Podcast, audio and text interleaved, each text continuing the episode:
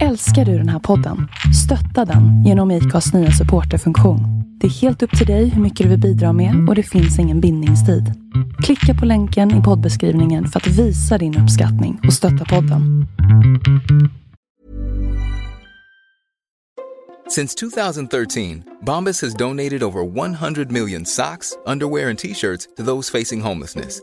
If we counted those on air, this ad would last over 1,157 days. But if we counted the time it takes to make a donation possible, it would take just a few clicks. Because every time you make a purchase, Bombas donates an item to someone who needs it. Go to bombas.com slash ACAST and use code ACAST for 20% off your first purchase. That's bombas.com slash ACAST, code ACAST. Planning for your next trip? Elevate your travel style with Quince. Quince has all the jet setting essentials you'll want for your next getaway, like European linen, premium luggage options, buttery soft Italian leather bags, and so much more. And is all priced at 50 to 80% less than similar brands. Plus, Quince only works with factories that use safe and ethical manufacturing practices. Pack your bags with high-quality essentials you'll be wearing for vacations to come with Quince. Go to quince.com/pack for free shipping and 365-day returns. Ryan Reynolds here from Mint Mobile. With the price of just about everything going up during inflation, we thought we'd bring our prices down. So to help us, we brought in a reverse auctioneer, which is apparently a thing. Mint Mobile unlimited premium wireless. Ready to get 30, 30, bit to get 30, bit to get 20, 20, 20, bit to get 20, 20, bit to get 15, 15, 15, 15 just 15 bucks a month. So, Give it a try at mintmobile.com slash switch. $45 upfront for three months plus taxes and fees. Promo for new customers for limited time. Unlimited more than 40 gigabytes per month. Slows. Full terms at mintmobile.com.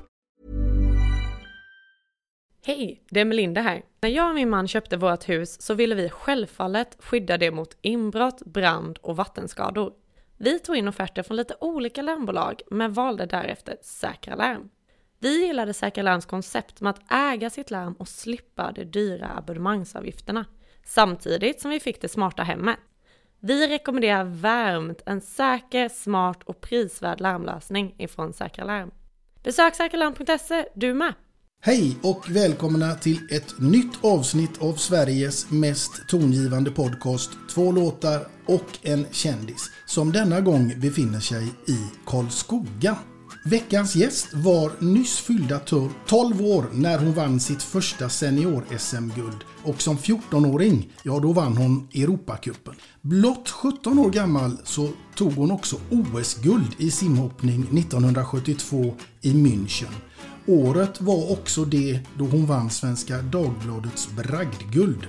Åren som därefter följde haglade medaljerna över henne med både guld i VM och EM och endast 21 år gammal valde hon att avsluta sin strålande karriär för att istället studera till idrottslärare. Efter den avslutade karriären fortsatte hon inom simhopp som tränare och förbundskapten med stora framgångar, inte minst med dottern Anna. Och eh, vi har också kunnat se henne i det folkkära tv-programmet Mästarnas Mästare med mera. Kära lyssnare, låt mig nu med största stolthet och respekt välkomna simhoppsdrottningen Ulrika Knape Lindberg. Tack så mycket. Ja, vi sitter ju faktiskt hemma hos dig. Ja, det gör vi. Här i Karlskoga. Ja. Mm. Och eh, det är ju fantastiskt roligt för mig att få eh, fullända detta på något sätt med tanke på att din dotter redan har varit gäst här. Ja, jag har eh, lyssnat på den podden för ja, ett antal månader sedan. Mm. Så du vet lite vad som komma skall här? Ja, jag kommer inte ihåg så mycket, men jag tycker det är roligt att lyssna på poddar. Mm. Härligt! Du, jag är övertygad om att det är många som kommer att tycka att det är roligt att lyssna på dig när vi är klara här. Ja, vi får väl hoppas det. Mm, Ja, det får väl se vad, vad jag kan leverera och eh, vad jag har för olika tankar och idéer. Mm, ska bli spännande. Men först så tänkte jag att jag ska inleda med att fråga hur det står till med eh, Ulrika idag. Ulrika idag mår väldigt bra. Jag är ju pensionerad sedan den 31 december då, 2021. Mm. Och mår alldeles utmärkt. Eh, Det har ju varit eh, intensiva år. Först så jobbade jag i 27 år som idrottslärare. Mm. Eh, Jag har ju alltid varit tränare sen jag slutade min aktiva karriär. Och eh, någonstans så, så har det ju varit i stort sett att man har jobbat 24-7. Så att eh, det känns väldigt skönt att eh, att kunna rå om sin egen tid på ett helt annat sätt idag. Mm. Ja, det förstår jag. Mm. Jag kan bara inbilla mig antalet timmar som du har tillbringat i simhallar världen över. Det har varit många timmar men har varit fantastiskt roligt. Mm. Vi ska komma in mer på det sen. Men det är ju så här Ulrika att den här podden den handlar ju till stor del om musik. Dock inte enbart såklart. Men jag törs ju hävda att musik är ett ämne som berör oss alla på ett eller annat sätt. Och nu är jag naturligtvis nyfiken på att fråga hur musiken berör dig. Men alltså jag älskar att lyssna på musik. Eh, men jag är inte en sån som går och sätter på musik hemma. För att då vill jag ha tystnad. I och med att jag jobbar som idrottslärare med väldigt mycket stoj och stim. Man har varit i ett badhus väldigt mycket. Väldigt hög ljudvolym. Så för mig är ibland tystnaden den är, den är fantastisk. Och därför så kanske jag inte lyssnar eller sätter på musik på samma sätt hemma. Nej, tystnaden är helt enkelt en ljuv musik i dina öron. ja, ibland faktiskt så har det varit det. ja, det förstår jag. Ja. Du, eh, var det svårt att välja ut två låtar tills idag? För det fick du i uppdrag att göra. Ja, jättesvårt. Mm. Ehm, jag har ju väldigt många låtar som jag tycker om och när jag då sitter i bilen och lyssnar på låtar och jag menar, då tycker jag ju det finns ju massor av bra låtar. Men sen är jag ju lite grann det här, jag, jag älskar ju Sverige. Mm. Och jag tycker ju att eh, svenska musiker är fantastiskt bra. Så ja, jag har faktiskt valt att eh, finnas kvar i Sverige där när man, det gäller att välja låtar. Mm, spännande, mm. spännande. Du, vad, det, vad är ditt första minne till musik som du kan härleda till från en tidig ålder? Jag fick en skiva en gång, vi skulle ha en sån där klassfest eller vad det nu var. Mm. Jag hade fyllt år. Och så fick jag Rolling Stones Satisfaction.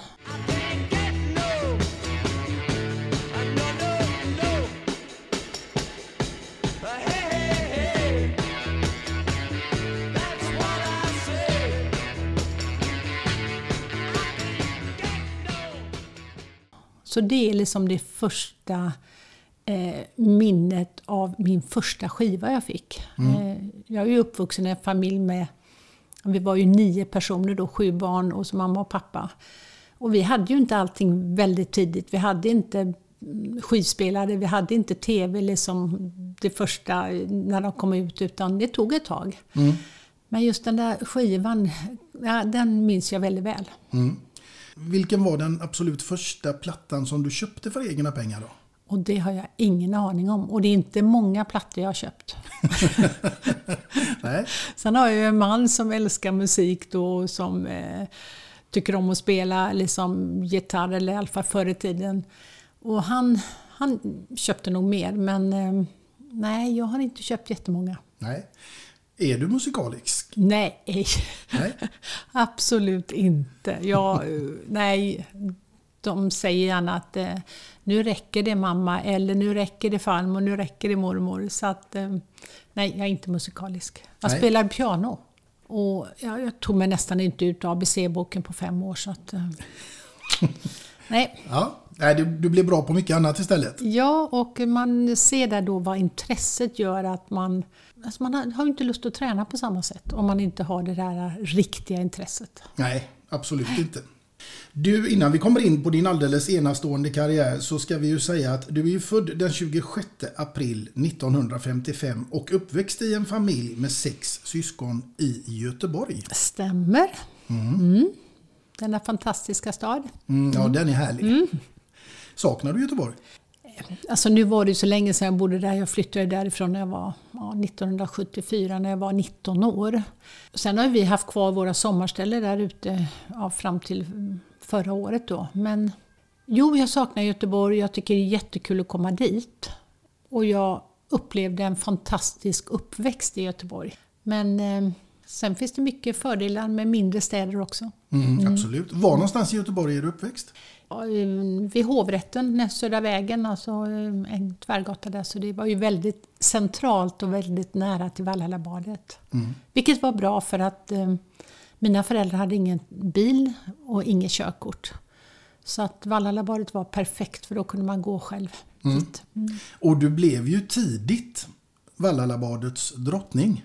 Ja, men alltså mina föräldrar var väl sådana här att vi skulle ha en aktiviteter.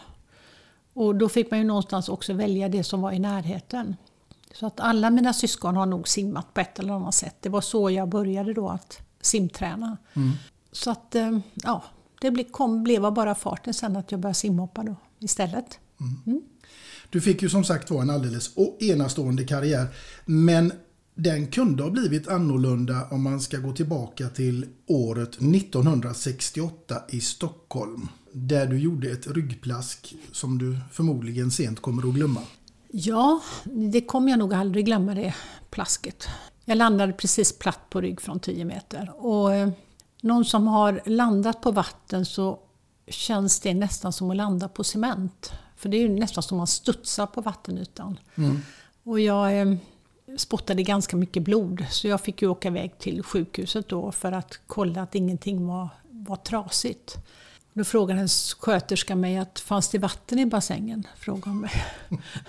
Och man tänkte ju så här, nej men vänta här nu. Ja, då hade jag nog inte varit där i så fall om, eh, om det inte hade varit vatten i bassängen. Men det där fick mig också att, att ifrågasätta om jag skulle fortsätta hoppa. För jag var ju livrädd efteråt. Och det kunde vara livrädd för vartenda hopp. Det spelar ingen roll vilket hopp det var så hade jag svårt att, att göra det. Mm. Men min mamma var ju väldigt klok då för att eh, jag skulle ju sluta. Och då sa hon så här, ja du får gärna sluta men du ska gå ner på badet en gång till, sa hon. För hon insåg ju att det, den sociala samvaron var ju väldigt viktig för mig. Mm. Så att hon var ju jätteklok där att hon eh, sa till mig, du ska ner en gång till. Och då insåg jag ju att nej, men jag vill ju hålla på med det här. Mm. Men det har ju också blivit en ganska nyttig lärdom för mig att det kunde aldrig bli värre än den där gången i, eh, i Stockholm 1968. Så att, eh, när jag skulle göra nya hopp så tänkte jag liksom ofta att nej men vänta nu, du har upplevt det värsta, det kan aldrig bli värre.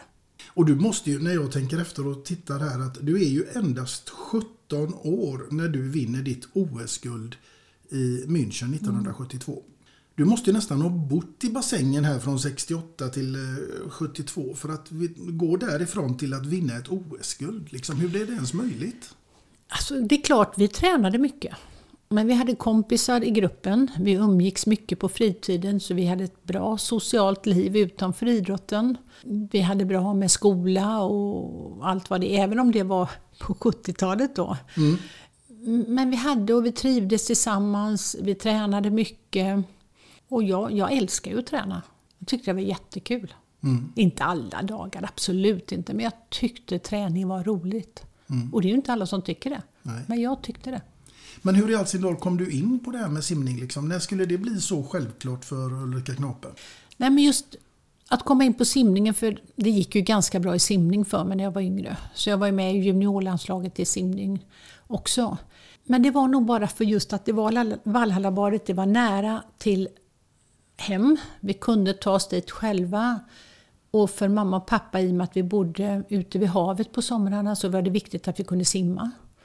Så på något sätt så blev det som naturligt att vi började att simträna. Och sen då när jag fick se simhoppningen på Vallhalla så tyckte jag det såg jättespännande ut. Men de ville ju inte riktigt att jag skulle börja simhoppa för de ville ju gärna att jag skulle fortsätta och, och simma istället. Mm. Men, eh, nej, men jag tyckte det var väldigt mycket större utmaningar i simhopp än vad det var i simning. Mm. Och jag antar att du hade en ledare som var duktig på att motivera dig på något sätt? Mm, ja, absolut. Jag har haft en fantastisk tränare i stort sett från första dagen. Inte riktigt från första dagen, men eh, Gunnel Weinås som var fantastisk. Men hon var också en person som, där vi fick ta väldigt mycket ansvar. Mm. Hon räknade med att vi skulle ta ett ansvar. Hon eh, ville inte liksom köra det hon tyckte vi skulle köra. Nej, men hon stod inte och tjatade på oss. Utan ville man så tränade man och ville man inte, nej, då kunde inte hon göra någonting. Hon hade ju en familj också och kanske ibland var sen på grund av att hon, eh, det här med barn och allting, man ska liksom få det att gå ihop. Men då började vi alltid träna. Vi stod inte och väntade på att hon skulle komma utan då startade vi. Och så var vi igång när hon kom. Så vi var ju faktiskt ganska självgående men det var nog också att vi var ett gäng som vi var väl kanske lite mogna och, och ville. Vi ville träna, vi var där för vi tyckte det var jättekul och vi ville också se hur långt vi, vi kunde gå. Mm. Du bestämde dig ganska tidigt för att eh, plocka medaljer. Ja, det gjorde jag nog. Jag, har, jag älskar att jobba mot olika mål. Sen finns det olika mål man kan jobba mot, men det får ju inte bara vara de här resultatmålen. Utan det är viktigt att ha olika sorters mål så att man, man verkligen kan nå de här målen. Så det inte blir ett högt uppsatt resultatmål och så, så kommer man aldrig dit. Nej. Utan hela tiden ha delmål och så betar man av dem på vägen för att det är då det är så roligt också när man uppnår dem. Mm. För att när man väl når det här målet att stå högst upp i en olympisk final, ja vad händer sen då? Alltså någonstans så är det ju vägen till målet, det är ju det som har varit en, en fantastisk resa. Mm. Och det är den som, eh, som är värt alla besvär. Mm. Mm. Och viktigt tänker jag också att när man är 17 år och så tidigt får en sån enorm framgång, framgång mm. som ett OS-guld de facto är. Att inte bli mätt efter det utan att kunna sätta nya mål. Var det givet att du skulle försvara det här OS-guldet då efteråt eller hur tänkte du där? Alltså för det första så var jag 17 år. Jag förstod inte vad jag hade gjort. Kvar för Ulrika. Tyska med 2,5 volt i peak, 2,7. Oh, vilken prick! Och vilka nerver denna underbara flicka har. Och en fantastisk poäng, 67,23. Vi tänkte att den här guldmedaljen skulle lysa över hela Sverige så här denna sena, lyckliga kväll. Ni där hemma och vi tre här. Hur fan blev det för Ulrika Weiboll? Ra, ra, ra, ra! Alltså, Svenska Dagbladets bragdmedalj, jag visste ju inte ens vad det var nästan. Så jag blev liksom, va? Vad är det här för någonting? Eh, så det var mycket sånt där, eller att bli igenkänd på stan. Eh, det blev ju som en helt ny upplevelse för mig.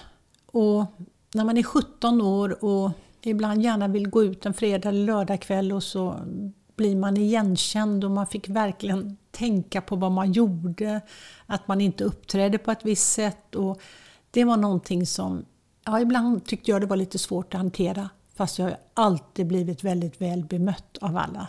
Mm. Så att det var inte så att det var någon som var oförskämd eller elak. Det var bara att jag hade svårt att på något sätt ta det under, ja, mm. precis efter OS. Då. Mm.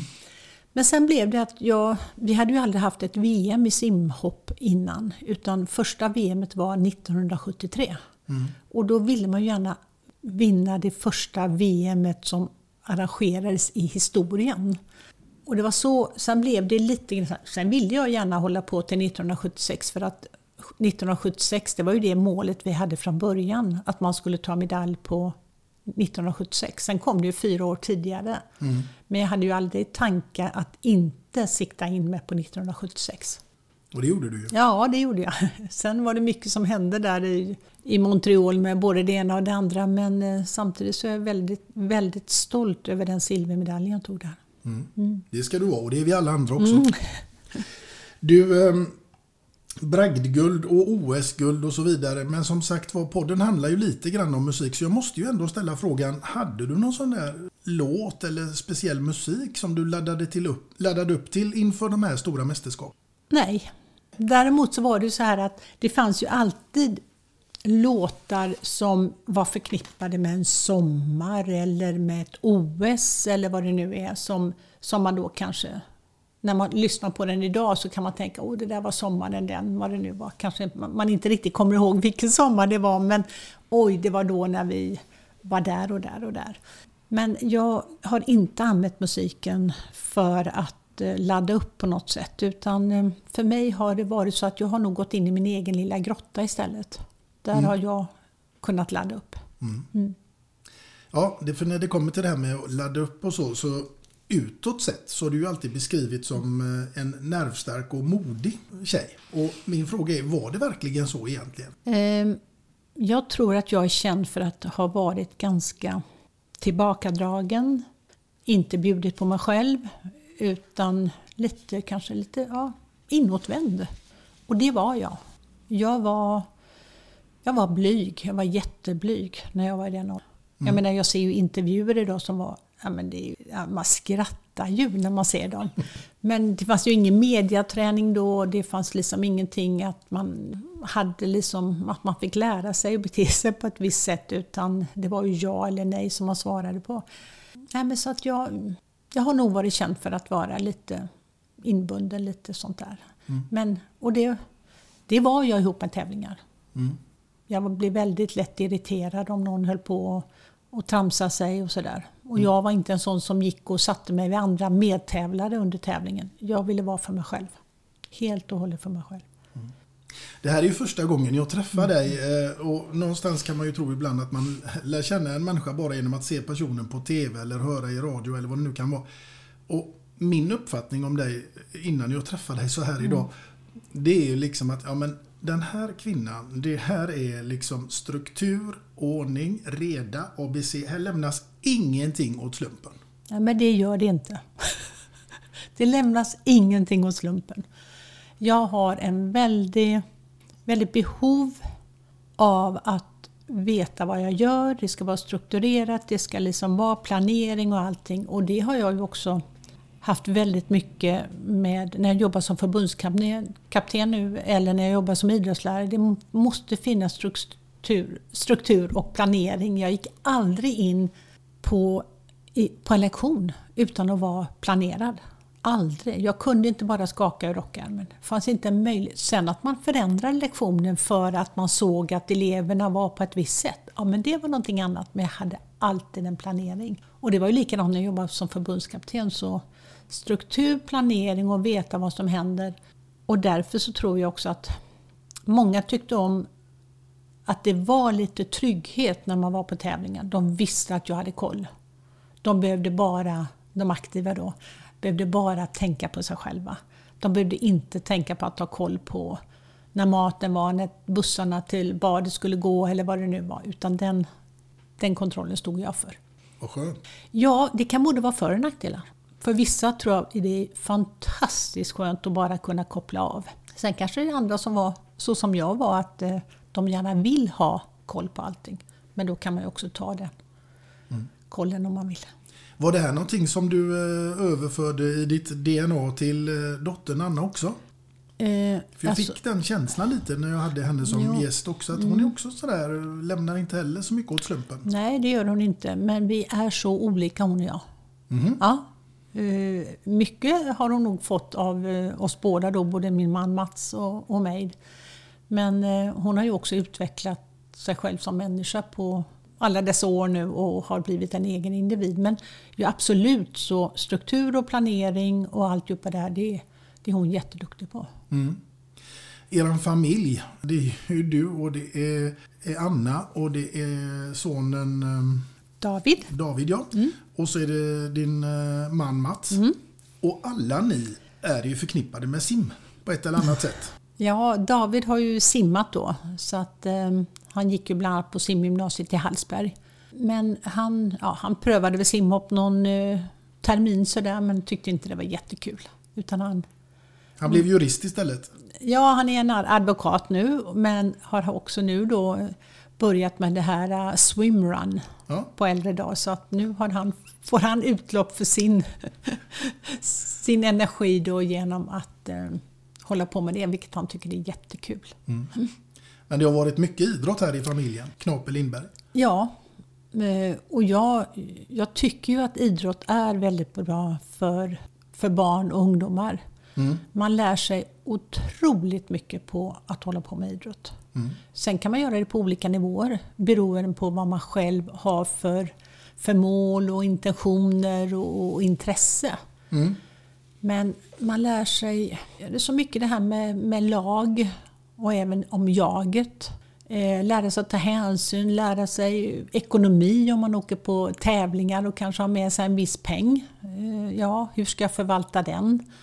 Eh, när ska jag gå och lägga mig på kvällarna för att jag ska gå upp tidigt? Alltså det, det, det, är, en sån, det är så lärorikt att absolut. hålla på med idrott. Och, oavsett vilken nivå man än håller på med. Mm. Ja, men det håller jag med om. Absolut. Det, det är egentligen något som alla borde göra. Ja, absolut. Ja, oavsett vilken nivå det är. Det behöver ju liksom Nej. inte vara elit. Nej, jag menar, det kan ju vara här i Karlskoga på, på badhuset här, va? att lära sig att stå i kö. Mm. Och inte hålla på och liksom förstöra för andra som inte vill att någon ska förstöra för dem. Utan här får man faktiskt lära sig lite ordning och lite lära sig att klara sig i vatten. Alltså det, det finns så mycket olika bitar som, som idrotten ja, det fostrar lite, väldigt mycket. Mm. Du, vi ska komma in mer på det här sen, Mm. för jag har några förberedda frågor till dig kring det här ämnet som jag vet att där kommer vi förmodligen ha en del att diskutera. Mm. Men du, nu tänker jag så här att vi ska sätta in dig i ett scenario där du går här hemma i ert fina hus i Karlskoga och du är helt ensam hemma. Radion är påslagen och helt plötsligt så dyker det upp en låt på den här radion som du bara känner att nej, det här åker banne mig rätt av. Vilken typ av musik eller låt skulle det kunna vara? Men jag tycker ju inte om hårdrock. Då åker radion av. Ja, nej, inte, nej, den åker inte av, men jag stänger av. Ja. Och det har jag förmåga att kunna göra, att jag kan stänga av i så fall. och, eh, det är också någonting jag lärt mig av idrotten, att kunna stänga av. Mm. Så att, eh, nej men då stänger jag av totalt. Ja. Det var ändå ganska rappt svar. Ja. Det var inte så lång betänketid på den. Sen Du- älskar jag klassisk musik, tycker jag är fantastisk att lyssna på. Det tycker du? Ja.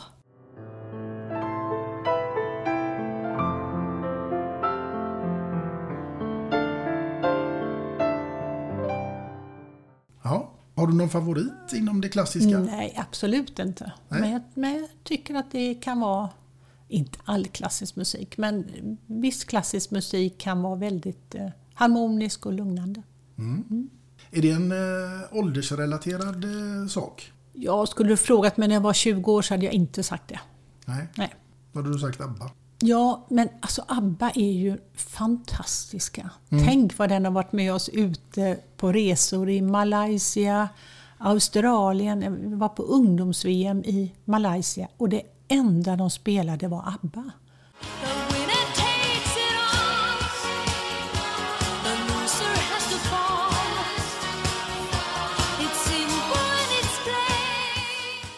Och då känner man så här, vilken stolthet man känner att man är från Sverige och så hör man den här musiken.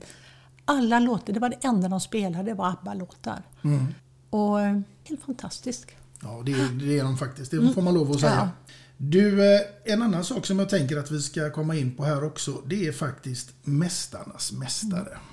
Jag såg ju din minnesvideo inför min resa hit. Och helt fantastisk. Man blir ju väldigt rörd av den. Ja, nu var det länge sedan jag såg den. Just min minnesvideo då. Mm. Så att eh, den har väl bleknat lite grann, men det var ju fantastiskt att vara med på Mästarnas Mästare. Mm. Mm. Väldigt, väldigt roligt. Ja, inte minst det gänget som ni hade lyckats att få ihop där. För det, det, det var många vinnarskallar där. Många karaktärer om inte annat. Många karaktärer ska vi säga Mm. att det var. Och många vinnarskallar också, absolut. Men det var ju också väldigt stor variation. Det var ju jag då som väl var äldst i gänget. Och så var det väl eh, ja, Stefan Holm som precis hade avslutat sin karriär då. Så att eh, det var ju en väldigt stor spännvidd mellan oss deltagare då. Patrik Sjöberg, Thomas Brolin, Mm, precis. eh, var det mer? Eh, Louise Karlsson va? Louise var med, Agneta Andersson, eh, Katrin Nilsmark, Thomas eh, Johansson. Johansson, Ja. Thomas Gustafsson. Gustafsson. Många gäster här också utav de Ja. som ni nämner upp. Mm. Så att, eh, jo men vi var, och det var, var en fantastisk resa. Men som sagt, det var ju många karaktärer och det var ju mycket som gick ut på det här med Stefan Holm och Patrik Sjöberg och deras då. Så att, eh, men, eh, nej, men man, jag kände också att jag fick ju jag fick ju nya vänner som jag aldrig skulle ha fått annars. Eller personer som jag, som jag förändrade åsikt om eller inställning till. För jag, jag kände ju inte dem innan det här programmet och helt plötsligt så, oj vilka fina människor det här är. Mm. Så att eh, man möter dem i en helt annan situation. Du, eh, du har ju gjort massvis av hopp i din karriär. Men om du skulle få välja ett utav alla dina hopp som du känner, ja men det tillfället var helt magiskt. Vilket är det? Egentligen så kan man ju säga det sista hoppet i OS-finalen som, som satt så fantastiskt och det kan jag ju fortfarande när jag går liksom in i mig själv så kan jag fortfarande göra det där hoppet i huvudet. Det, det liksom finns med hela hoppet. Precis liksom när jag startade hopp i känslan i luften och nedslaget. Som jag är väldigt glad för att det fortfarande är så, så tydligt för mig. Mm. Men sen finns det ju de här gångerna när man till exempel efter jag hade landat platt på rygg från 10 meter och jag skulle göra ett nytt hopp på 10 meter. Och det var faktiskt samma hopp som det sista hoppet i OS. Men Mm. när jag gjorde det för första gången, den här 2,5 alltså 2,5 volt fast åt ett annat håll. Mm. Och när jag klarade det, det är nog ett av de största ögonblicken i min, i min karriär.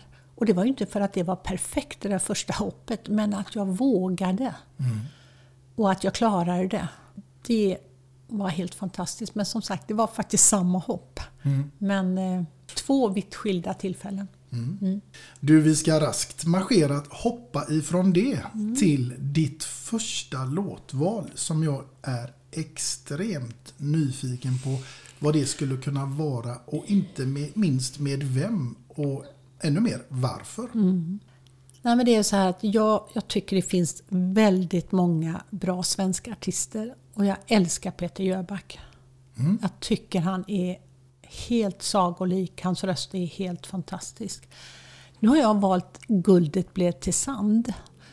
Och egentligen så är ju själva texten är ju inte så positiv egentligen. Men jag tycker det är en så fantastisk låt. Så att den har jag valt som första låt.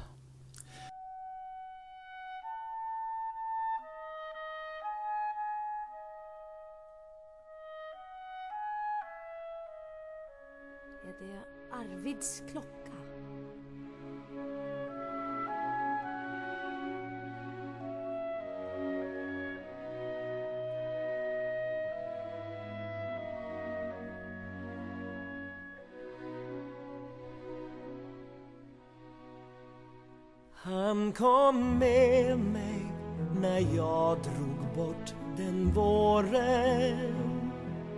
Som en hund följde han mig tätt i spåren. Jag var glad åt hans sällskap när jag sökte guldets land. Men Kristina, guldet blev till sand. Vi slet ont, ja allt gott fick vi försaka. Ofta grät han och bad ta mig tillbaka. Men jag vägrade alltid fast jag tvekade ibland.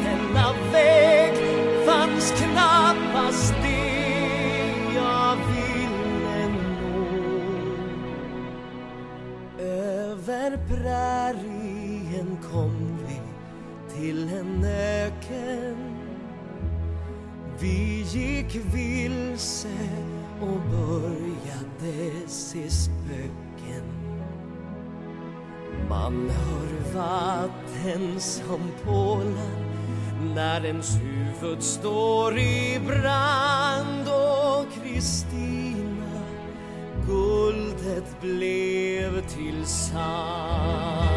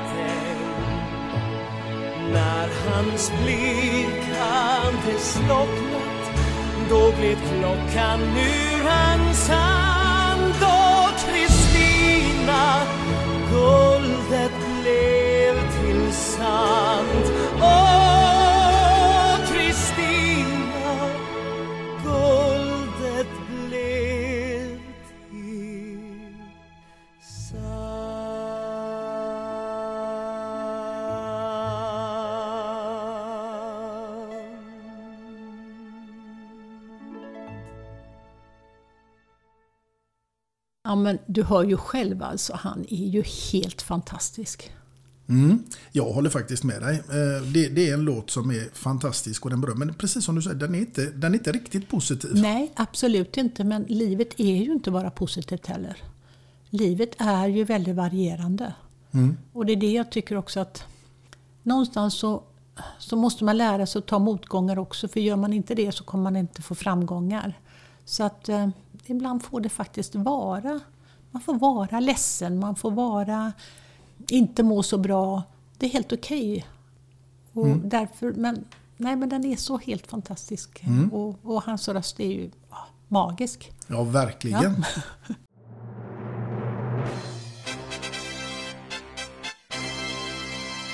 Oj, kände du igen den signalen eh, Ulrika? Måste jag ju fråga dig nu. Ja, men eh, det verkar som det skulle komma något otäckt nu. Ja, det kommer fem snabba. Vi får Ja. se hur snabba de blir. Ja. Den första, är du beredd förresten? ja, men som sagt, de kanske inte blir så snabba. Nej, Nej. det gör inget om det blir lite utvecklande svar heller. Mm. Vara bäst bland de sämsta eller sämst bland de bästa? Ja, vara sämst bland de, bland de bästa ibland, men vara bäst bland de sämsta ibland. Ja, det där var ju sånt där mittemellan-svar. Men jag tror att det är viktigt att man kan vara både och. Mm. För att eh, som jag sa tidigare så är det, för mig har det varit väldigt viktigt att inte alltid bara ha resultatmål, att jag ska stå på pallen. För då kommer jag, hade jag aldrig utvecklats. Utan det är viktigt att ha prestationsmål under sin väg mot ett större mål. Och då får man vara då bäst bland de sämsta eller sämst bland de bästa bara för att utveckla sig själv då i, i det man håller på med. Mm. Men om du skulle få välja en av dem då? Sämst bland de bästa. Mm. Med det, det där reserverande inlägget? Ja, precis. Absolut. För det, det, det är inte det ena eller det andra. Det Nej. är inte svart och vitt, eller vitt heller. Nej. Nej. Vi får se om det blir svart eller Ja. vitt här nu. För nu kommer ett simhopp med Babben Larsson eller Leif GW Persson. Åh herregud. Eh, ja. Babben. Babben? Ja. Mm. Surströmming eller levergryta på tallriken till middag i en hel vecka? Levergryta. Det var raskt svar där. Japp. Blått och flott eller grönt och skönt i en månad framöver? Grönt och skönt. Mm. 10 rejäla magplask eller 10 snabba snapsar? Åh, herregud, jag dricker inte snabbt så det får... Nej, men det går, jag vill inte ha tio magplask. För jag vet hur det känns, men jag skulle aldrig kunna få i mig tio snapsar heller. Nej, här får du välja mellan pest eller kolera. Ja, ja, tio snapsar gör väl mindre ont eh, längre tid i alla fall. Tio magplask kommer göra ont under en lång tid. Ja, Det beror på vilken höjd det är. Är det från kanten då tar jag tio magplask. det skulle du göra alltså. Från kanten, ja, ut, istället för tio snapsar. Ja. Absolut. Ja, men då, då blir det alltså 10 magplask. Ja, det får bli då. Mm. Men det var ju rätt så snabba svar ändå tycker jag. Ja. Ja. A lot can happen in three years, like a chatbot may be your new best friend. But what won't change? Needing health insurance. United Healthcare Tri Term Medical Plans, underwritten by Golden Rule Insurance Company, offer flexible, budget friendly coverage that lasts nearly three years in some states. Learn more at uh1.com. This is Paige, the co-host of Giggly Squad, and I want to tell you about a company that I've been loving, Olive and June. Olive and June gives you everything that you need for a salon quality manicure in one box. And if you break it down, it really comes out to $2 a manicure, which is absolutely insane. It's also so easy to get salon worthy nails at home with Olive and June. The difference between how your nails used to look when you did them yourself and now with the Manny system is a complete game changer. The best thing about Olive and June too is it's a quick dry, dries in about one minute, lasts for five days, and full coverage in up to one to two coats. Visit oliveandjune.com slash perfectmanny20 for 20% off your first system. That's oliveandjune.com slash perfectmanny20 for 20% off your first system. Hiring for your small business? If you're not looking for professionals on LinkedIn, you're looking in the wrong place. That's like looking for your car keys in a fish tank. LinkedIn helps you hire professionals you can't find anywhere else, even those who aren't actively searching for a new job but might be open to the perfect role. In a given month, over 70% of LinkedIn users don't even visit other leading job sites. So start looking in the right place. With LinkedIn, you can hire professionals like a professional. Post your free job on linkedin.com slash people today. Planning for your next trip? Elevate your travel style with Quince. Quince has all the jet setting essentials you'll want for your next getaway, like European linen, premium luggage options, buttery soft Italian leather bags, and so much more. And is all priced at 50 to 80% less than similar brands. Plus, Quince only works with factories that use safe and ethical manufacturing practices. Pack your bags with high-quality essentials you'll be wearing for vacations to come with Quince. Go to quince.com slash pack for free shipping and 365-day returns. Hey Dave. Yeah, Randy. Since we founded Bombus, we've always said our socks, underwear, and t-shirts are super soft. Any new ideas? Maybe sublimely soft. Or disgustingly cozy. Wait, what? I got it. Bombus. Absurdly comfortable essentials for yourself and for those facing homelessness. Because one purchased equals one donated. Wow, did we just write an ad? Yes. Bombas. Big comfort for everyone. Go to bombas.com slash ACAST and use code ACAST for 20% off your first purchase. Du, vi ska ta oss från det scenariot till något mycket, mycket mer trevligare. För att nu är det så här Ulrika att du ska ha en middagsgäst här hemma. Det ska du för övrigt ha ikväll. Men mm. nu ska du få ha en med bara dig själv. Och du får välja precis vem du vill. Död eller levande. Det är bara fantasin. Alltså en person du skulle vara nyfiken på. Vem hade det varit? Vad hade ni ätit? Och vilken låt hade fått ligga där i bakgrunden till denna fantastiska middag? Åh gud, det är så många som jag skulle vilja ha lite, men... Alltså det här, jag skulle gärna vilja ha min mamma. Mm. På en middag igen. Mm. Med hennes fiskpudding. Mm. Som hon gjorde. Mm. Min mamma var en väldigt klok kvinna. Hon har fött många barn. Hon har eh, alltid stått upp för oss. Men också lärt oss att Ja, det har ju pappa också, men det är mamma som har varit längst i livet och pappa jobbade ju väldigt mycket för att vi skulle kunna överleva. Eh, men min mamma skulle jag gärna vilja ha, bjuda på en middag och sitta och prata ja, minnen och vissa saker. Mm. Ja, det, vilket härligt val. Mm. Då undrar jag ju naturligtvis vad det skulle kunna få vara för musik i bakgrunden till denna fantastiska middag med, tillsammans med din mamma och den här fiskpuddingen. Nej, men hon var också väldigt förtjust i klassisk musik. Så att eh, det hade nog fått vara lite, lite klassisk musik i bakgrunden. Det tror, Mm. jag, det tror jag hon skulle uppskattat också.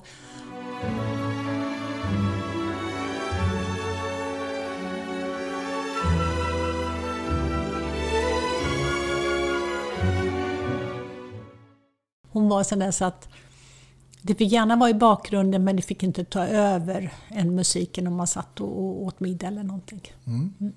Mm. Spännande. Du, nu tar vi oss ifrån det scenariot till ett annat. För nu går vi mycket här i fantasins tecken. Och vi ska ta oss ifrån det här middagsbordet till en helt öde ö. Där du ska få vara i ett helt år. Och du får bara ha med dig en enda platta dit. Vilken skulle det kunna vara? Ja, det måste ju vara någon i alla fall som eh, får en att bli väldigt positiv på, Mm. utifrån att man är där på en öde ö. Mm. Så det måste ju vara verkligen någon som, eh, som har ett pos positivt budskap. Mm. Eh, kanske Listen to your heart med Roxette. Mm. Varför Vet inte? inte. Den här var jag inte alls förberedd på. Utan, eh, nej men alltså någonting som... eh, Ja, Mm. Som får dig att bli lite glad och känna Ja, lite hopp. ja, det måste man ju ha i en sån situation. Ja. Absolut. För där får det ju verkligen inte vara någonting som, som man kan associera med något negativt. Utan där måste det bara vara. Mm. Där, där kör vi inte när guldet blev till sand. Nej, absolut inte. absolut inte. Nej.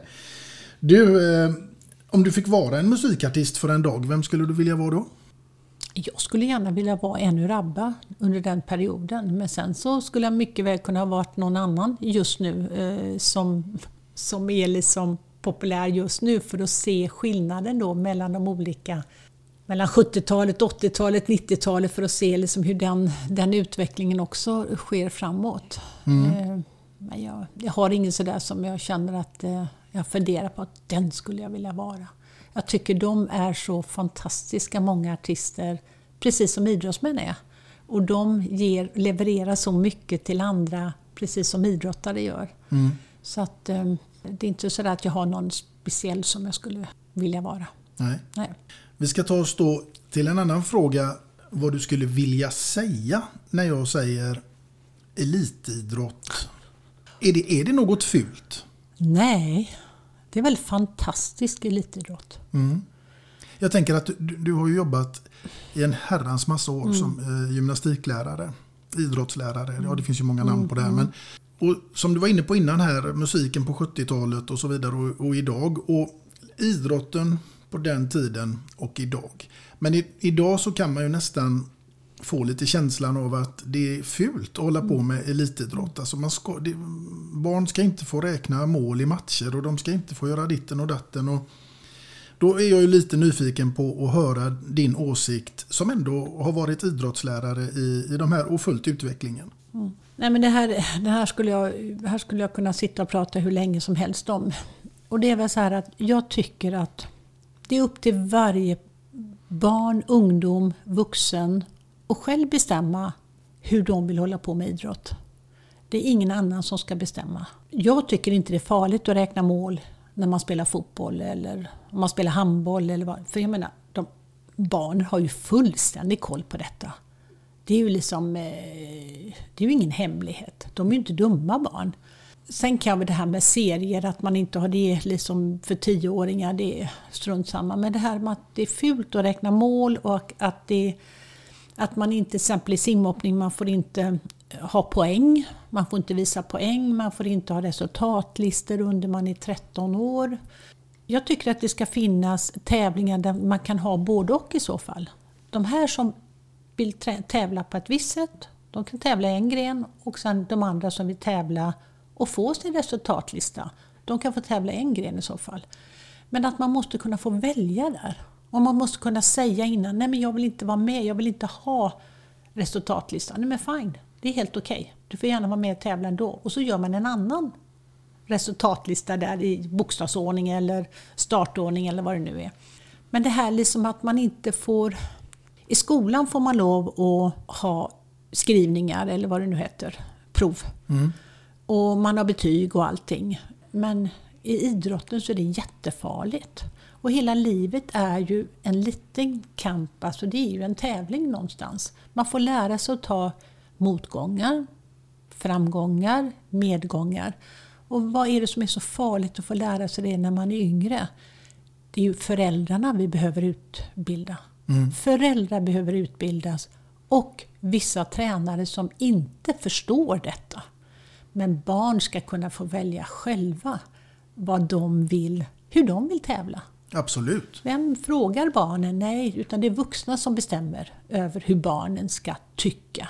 Mm. Och, och jag tycker att, eh, och som vi har en idrott där man måste kunna tekniken i unga år för att kunna, liksom, om man vill gå lite längre sen. Och då, då kanske man också behöver se lite olika på olika idrotter. Längdskidåkning, nej men vad då? Där är du som bäst när du är ganska gammal för du har det här med hjärtat och alltihopa där. Men i, i simhoppningen så, så ser vi ju nu att de blir mycket äldre, de som tävlar. Men det är ett väldigt stort spann. Och det är ju inte med all säkerhet att det kanske är så att man slutar när man är 21 som jag, vad jag gjorde. Det kanske är tjejer som vill faktiskt skaffa barn. Nej, men man får ändå inte vara bra när man är yngre. För det ska man vara när man är äldre. Mm. Ja, men man kanske inte ens håller på med idrotten då. Nej. Alltså, någonstans måste det finnas en valmöjlighet på, som jag som individ kan göra. Det är jag som bestämmer hur jag vill göra. Ja, men självklart ska man få möjligheten att, att bli så bra som möjligt. Ja. Oavsett om det handlar om i skolan eller eh, idrott eller vad det än må vara. Ja, det är väl inte farligt. Sen är det inte det att man, man ska inte slå ut någon. Det är inte det det handlar om. Alla ska få plats. Absolut. Inom alla områden, i alla idrotter, i allting så ska alla få vara med. Mm. Men ibland så kanske det är så att, som vi pratade om förut, ibland så är det väldigt många som mår bra av att vara bäst i en, i en lite sämre grupp. Och vissa mår bra att vara sämst i en lite bättre grupp. Och där måste man ju ha den här fingertoppskänslan och känslan. Hur är det för den individen? Var passar den bäst in någonstans? Mm. Och att man inte bara drar alla över en kant, eller att alla i samma ålder ska gå i samma grupper. Och den ena är två meter lång och den andra är 1,50. Och så håller man på med en idrott som basket, eller vad det nu är. Det kanske är så att man, man får vara lite finurlig, ha lite fingertoppskänsla där. på. Så att eh, det sunda förnuftet tycker jag det måste alltid råda. Mm. Oavsett vad man håller på med. Ja, men det håller jag med om. Absolut. Eh, och det, det, man kan väl tycka så här att gymnastik som du undervisade i är ett ämne som borde få lite större plats i dagens skola. För det är, betyder ju så mycket idag med rörelse med alla mobiler och allt stillasittande och vad det nu är. Ja, det borde få minst en timme per, per dag tycker jag egentligen i någon form. Sen är det också så här att idrottsundervisningen idag är ju väldigt mycket teori. teori. Det kanske är viktigt att vi rör på oss istället. För det spelar ingen roll hur mycket teori vi kan om vi sen inte har möjlighet att använda våra kroppar. Så det är jätte, tycker jag, viktigt. Sen tycker jag att det är viktigt också att inom idrotten att vi har vissa idrotter som är väldigt fostrande. Bland annat friidrotten, mycket det här med rörelseskolning, koordination. Eh, vi har gymnastiken som är fantastisk på att lära sig att slå kullerbyttor, eh, att stå på händerna och klara av sin egen kroppsvikt. Det kanske är där vi ska lägga mer tid på för alla idrotter att göra de här, de, den fysiska träningen utanför den ordinarie Mm. idrotten. Vi har ju väldigt mycket landträning, alltså väldigt mycket fysträning med alla barn från det att de börjar. Och det är ju jätteviktigt för det är ju inte bara simhopp de håller på med då. Utan då får de ju en rörelseskolning, en eh, kroppskännedom som de kom, kan ha med sig hela livet sen. Och även om de den sen slutar, då kan de gå över till en annan idrott och ändå hänga med ganska bra. Mm. Så att där tycker jag vi har mycket att göra inom idrotten istället. Att vi, vi ska försöka få dem eh, att röra på sig och kunna springa på rätt sätt. Eh, så att de inte blir skadade eller att eh, kunna slå en kullerbytta så de vet vad upp och ner är. Mm. Och eh, klättra i ett rep. Eller sån där lina som man hade förr i skolan. Liksom. Lianerna. Ja, men precis. Förr i tiden kunde ju de flesta göra det. Det kan de ju inte idag. För det görs aldrig. Nej. Nej, men det är ju jätteviktigt. Och, så, och det här med kost och sömn Ja. och, och så vidare. Va? Det, det, är ju, det är ju hela Mm. hjulet där att få balans i det. Absolut. Ja, Ulrika, om vi ska ta och sammanfatta det här eh, något kontroversiella ämnet om elitidrott. Hur tycker du att vi ska göra det på bästa sätt? Men jag tror att det är viktigt att man får en helhetsbild av eh, barn och deras idrottande. Man kan inte behandla allihopa likadant utan det gäller att någonstans att man ser varje individ i sig. Och att, eh, att man får göra det på sina villkor. Man får själv bestämma. Föräldrar ska man utbilda så att de också har kunskap i vad det är som händer. Så att de inte blir den som trycker på för att någon ska hålla på med, med idrott. Utan att man verkligen ser till hela människan och naturligtvis, har man inte roligt så kommer det aldrig bli bra att hålla på med idrott och man kommer aldrig lyckas heller. Nej, det tycker jag är en bra sammanfattning av det hela faktiskt. Mm. Vi tar oss ifrån balans i det hjulet till ett helt annat scenario nu. För nu ska vi se något riktigt spännande här. För nu är det så att Ulrika Knape Lindberg är i final i Let's Dance.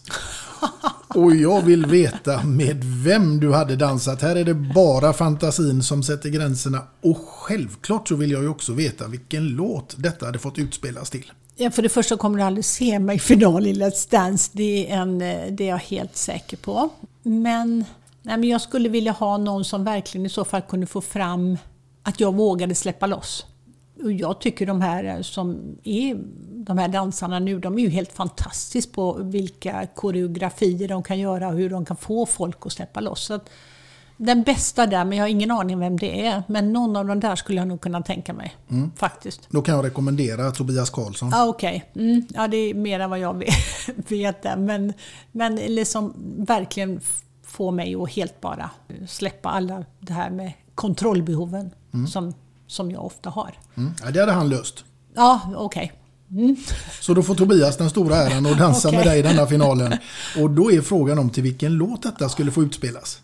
Ja, jag vet ju inte om man kommer vinna finalen om man tar en bugglåt i finalen på Let's Dance. Men om det skulle bli så, så ja, då får det bli någon eh, Sven-Ingvars låt. Jag är ju i Värmland så att eh, man får väl vara lite patriotisk där. Två mörka ögon och värmde mig och lyste upp min väg Det tycker jag låter som ett jättebra val. Och det är klart att du skulle kunna vinna med en bugglåt med Tobias här. Jag tror att Tony Irving hade... Det tror jag han hade gillat. Ja, vem vet? Jo då. Kanske skulle göra succé. Ja, det tror jag. Definitivt. Ja, En bugglåt med Sven-Ingvars och, och Ulrika och Tobias i Let's Dance-final. Hör ni det här nu TV4? Får ni ett litet tips? Ja, eller inte, tvärtom. Ja. Nu är det så spännande Ulrika att det börjar bli dags för ditt låtval nummer två som jag är ännu mer nyfiken på denna gång vad det skulle kunna vara och inte minst varför. Ja, jag har valt Säg mig var du står med Carola och eh, Sara Larsson. Och eh, det kanske är, ja, jag tycker väldigt mycket om eh, både Carola och Sara. Jag tycker de också är fantastiska eh, artister. Och Carola var ju väldigt mycket med på en stor tävling som vi hade nere i Ronneby när hon var liten. Så sjöng hon där på kvällarna eh, på Ronneby brunn då när vi hade sån där lite samkväm. Vilket eh, är ju jättekul då för hennes syster hoppade simhopp. Men det är också lite grann vad jag står just nu i livet i april 2022. Att, eh, att det är viktigt att säga vad man står för. Vad man, eh, vad man tycker och tänker och, eh, och vara ärlig och ha sina egna värderingar. Där tänker jag lite grann på att ja, säg mig vad det står. Det, det är för mycket och det är likadant det här med klimatet. eh, Hur kommer det bli framöver och vad, vad gör vi åt det? Mm. En passande låttitel helt enkelt. Ja, och sen en bra låt också tycker jag. Mm. Och de två gör det fantastiskt bra tillsammans. Då tycker jag att vi tillsammans tar och spelar denna låten här nu. Det är dags att börja tänka om för tiden rinner ut, den kanske snart tar slut. Och jag vet att det vi bygger upp nu, det blir en dag det våra barn ska ha. Oh, oh, oh. Oh, oh, oh.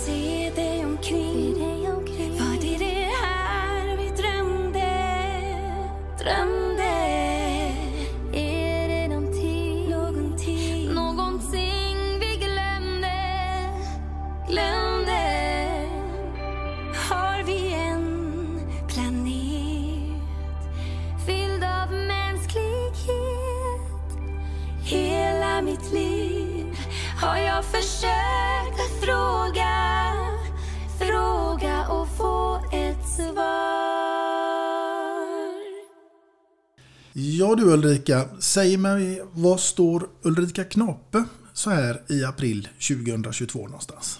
Nej, men jag står i ett nytt skede av mitt liv i och med att jag har blivit pensionär. Då. Och, eh, jag har tänkt att njuta av livet så länge det varar. Eh, jag har väldigt mycket liksom jobbat med andra och varit, eh, alltid ställt upp och alltid liksom, på något sätt tagit bort mina egna intressen.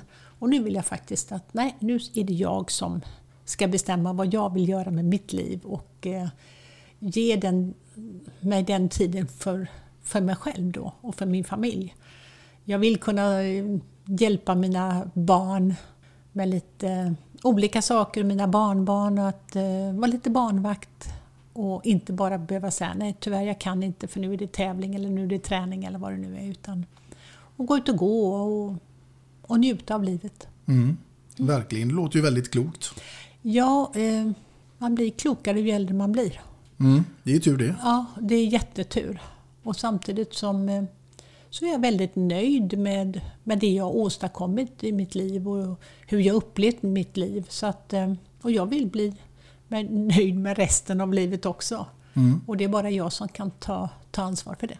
Man skriver sina egna kapitel helt enkelt. Ja, eh, man gör det. Mm. Och eh, därför är det viktigt liksom också att man gör det på ett bra sätt och att man tar ansvar för det. Och samtidigt inte då... För mig är det viktigt att stå upp för sina värderingar och sina värdegrunder. Mm, absolut, ja det håller jag verkligen med om. Du, när vi är inne på det så tänker jag ju att det här idrottstänket, är det någonting, tycker du, som går att applicera i företagsvärlden? Absolut. Och tvärtom också. Vi får inte glömma att det är väldigt viktigt tvärtom också. Så där har vi mycket att lära av varandra. Mm. Inte bara idrotten till näringslivet, utan lika mycket tvärtom också. Mm. Mm. Har du några jättebra exempel som du kan belysa liksom vad du tycker att vi bör ta mer utav? Nej, men inom idrotten så är det så självklart att jobba mot, med planering, strukturering, med mål. Det är inte lika självklart på alla arbetsplatser att göra det. Man tror att man kanske har det på ett visst sätt på en arbetsplats men egentligen så finns det inte alls några mål. Eller hur man ska ta sig dit. Och det är väl det som är så himla viktigt för att eh, utan mål så tror jag inte man når någonstans. Utan eh, man, man måste, det måste finnas eh, och likadant det här med värdegrunder. Att eh, vill jag inte acceptera de värdegrunderna som, som man har inom en, ett företag eller någonting, nej men då får jag faktiskt lämna in Mm och välja att ta något, någon annan tjänst. Jag tänker så här Ulrika, om du, om du skulle nu få eh, på bästa sätt ge ett gott råd till alla våra lyssnare där ute som hör detta när det gäller att sätta mål. Vad, vad ska man tänka på då? Nej, men någonting när man sätter mål så är det viktigt att man... Alltså det finns ju både visioner och det är ju lite grann av en dröm. Sen finns det ju mål, men de måste vara realistiska. Det är så många, bland annat inom idrotten, som säger ja, jag vill ta en OS-medalj, jag vill vara med på ett OS. Ja, men hur ska du ta dig dit?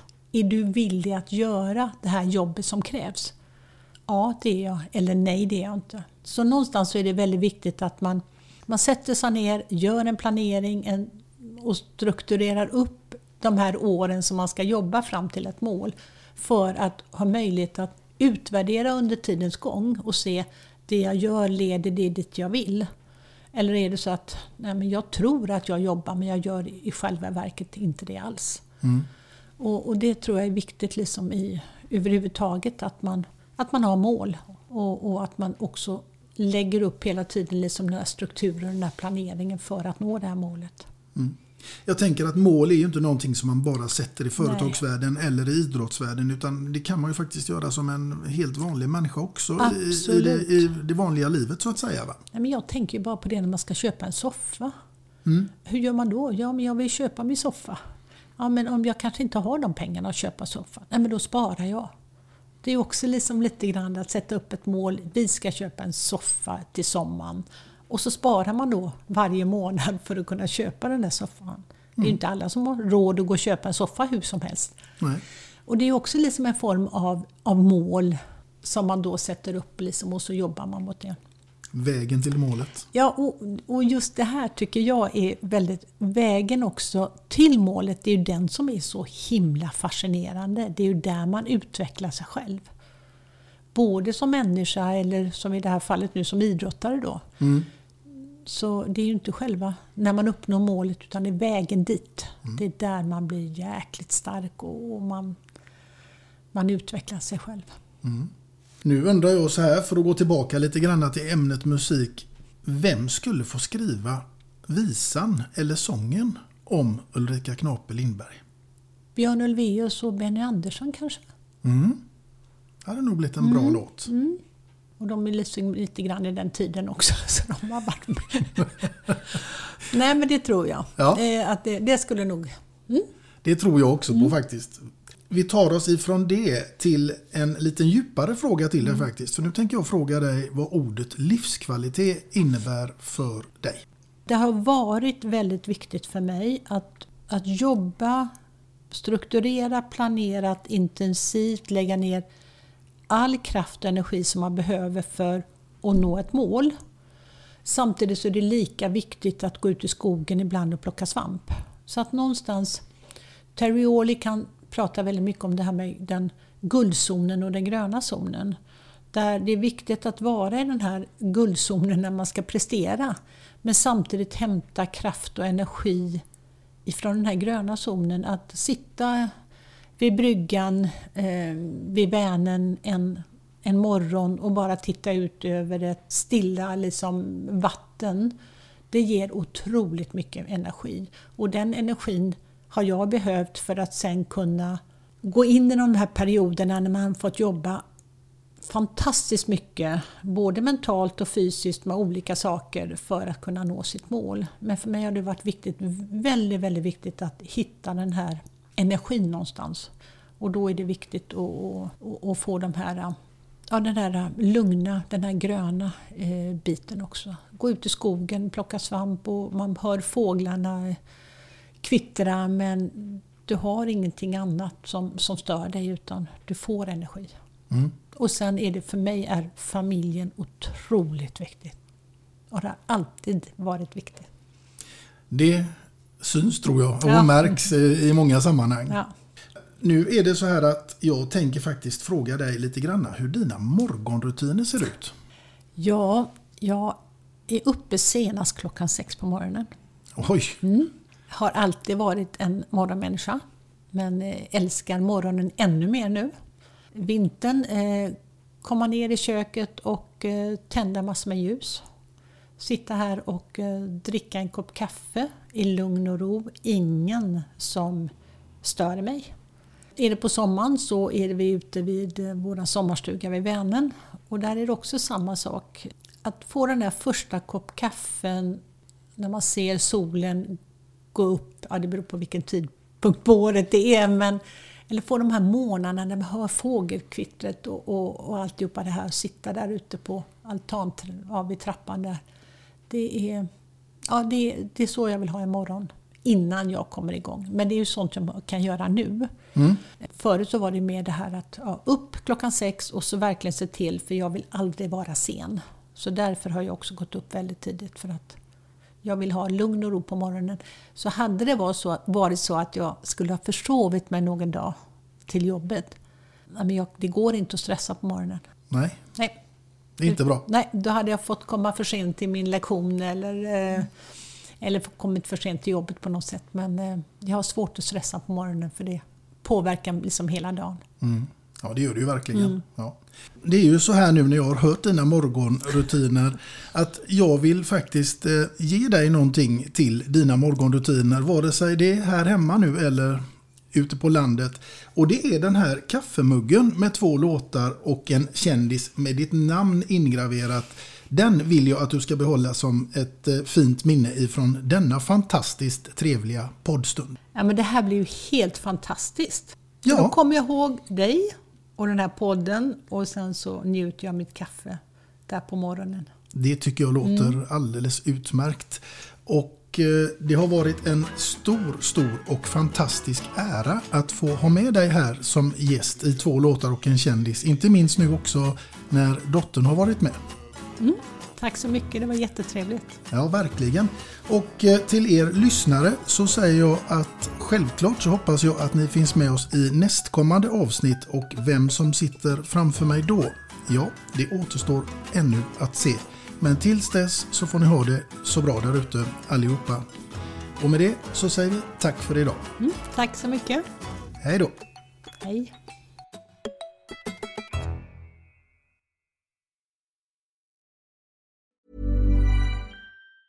Even on a budget, quality is non-negotiable. That's why Quince is the place to score high-end essentials at 50 to 80% less than similar brands. Get your hands on buttery soft cashmere sweaters from just 60 bucks, Italian leather jackets, and so much more. And the best part about Quince, they exclusively partner with factories committed to safe, ethical, and responsible manufacturing. Elevate your style without the elevated price tag with Quince. Go to quince.com slash upgrade for free shipping and 365-day returns.